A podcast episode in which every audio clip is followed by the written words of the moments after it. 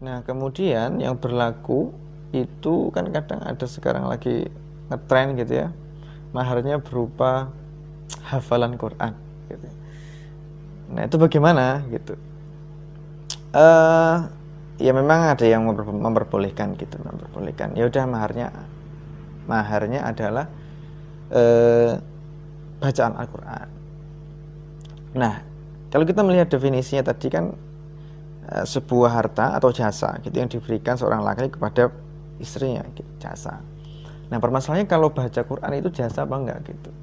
Ini bukan berarti baca apa hafal Quran itu enggak, karena hafal Quran itu tidak bisa di copy paste gitu. Kalian paham misalkan kalian hafal kemudian di, di copy paste ke siapa gitu, enggak.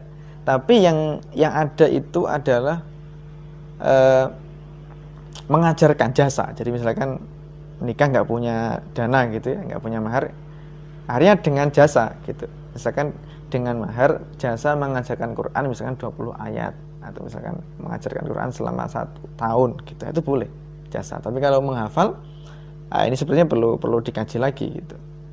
Jadi hadisnya itu saya bacain aja ya biar enak gitu. Dari dari sahabat atau imro'atun faqalat ya Nah, Nabi didatangi seorang wanita, nanya, "Ya Rasulullah, ini wahab tu nafsi lak." gitu. Serahkan diriku padamu gitu. Nah, kemudian fakomat kiaman, dia berdiri tawilan lama gitu. Fakomat rajulun. Kemudian berilah seorang laki berkata, "Ya Rasulullah, zawijniha illam yakun laha bihajatin." Ya, ya Rasulullah, kawinkanlah dengan aku saja kalau kamu nggak mau gitu jadi ada orang nawari Rasul uh, aku serah ya Rasul gitu. Katanya kalau kamu nggak mau aku aja gitu. Wah parah ini. Nah kemudian dia berkata eh, Rasul berkata hal indah kami syai'in tusdikuha iya. Kamu punya mahar ya katanya Nabi gitu.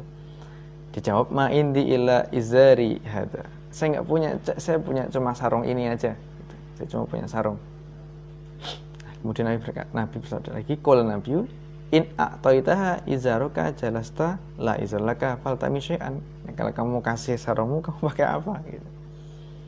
Nah, kemudian jangan cari kata Nabi. Ma'ajid itu syai'an. Saya nggak nyari kayak temu apa-apa gitu. Nah, balik lagi. Cari inilah apa cincin-cincin Kola iltamis walau hataman min hadid. Carilah inilah cincin-cincin gitu terserah gitu. Faltamasa falaman syai'an cari lagi sama dia. Wah nggak nemu juga ternyata. Fakul Nabi berkata kemudian Nabi berkata halo milik Quran syai'un? Kamu punya ada hafal surat Quran nggak? Gitu, gitu. Nabi naam ya saya punya. Surat kada wa surat kada di surat Yusuf ya. Kemudian Nabi berkata kuat zawas tu kuat zawas tu kahuma biha milik Quran. Ya udah kamu pakai mahanya Quran. Nah, dengan ini kemudian sekarang marak itu yang hafal Quran membaca kan, atau dengan bacaan Quran atau apa gitu. Nah sebenarnya kalau kita lihat kalau kita cermati ya hadisnya itu kan disuruh nyari dulu itu punya harta nggak gitu ya.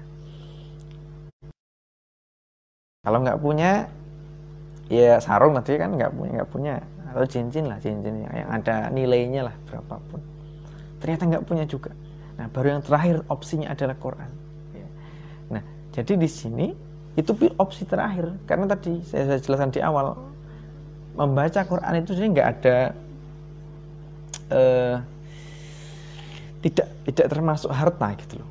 Kecuali kalau mengajarkan ya beda lagi. Jadi maharnya itu dengan mengajarkan Quran. Nah, itu ada memang. Ada itu riwayat Abu Hurairah dan di dalam riwayat itu intalaqalaqat tukuma ada beberapa riwayat ya yang sahih Nabi bersabda, "Intolik lakot zawaj tukuma fa'alim hamil Quran." Gitu, Pergilah, aku menikahkanmu itu dengannya, artinya dengan mengajar mengajarkan Quran. Nah, kemudian didapatkan riwayat ternyata itu mengajarkan 20 ayat. Jadi di sini mengajarkannya, itu bukan hafalannya.